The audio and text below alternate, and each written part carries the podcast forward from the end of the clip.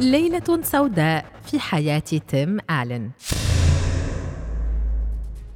قبل أن يصبح تيم ممثلاً في العديد من المسلسلات الكوميدية الصديقة للعائلة تم ضبطه بتهمة الإتجار بالمخدرات في كالامازو بولاية ميشيغان. ألقي القبض عليه بتهمة حيازة الكوكايين في عام 1978 في ذلك الوقت كان يجرب حظه بالبدء بمهنته الكوميدية لكنه بدأ في تجارة المخدرات لدفع الفواتير. تم القبض على تيم بعد أن تبعه شرطي سري. كان يعتقد أنه كان يعقد صفقة أخرى في مطار كالامازو لكن تم القبض عليه بدلاً من ذلك.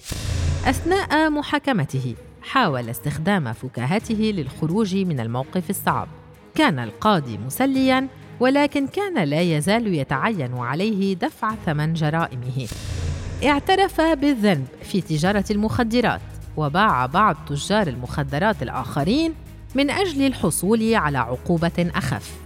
انتهى به الأمر في خدمة عامين وأربعة أشهر في المؤسسات الإصلاحية الفيدرالية في مينيسوتا وأطلق سراحه بكفالة في الثاني عشر من يونيو 1980 وأثناء وجوده في السجن استغل الوقت لصقل مهاراته الكوميدية بعد إطلاق سراحه قرر تغيير مسار حياته وأصبح الممثل الكوميدي المعروف الذي نعشق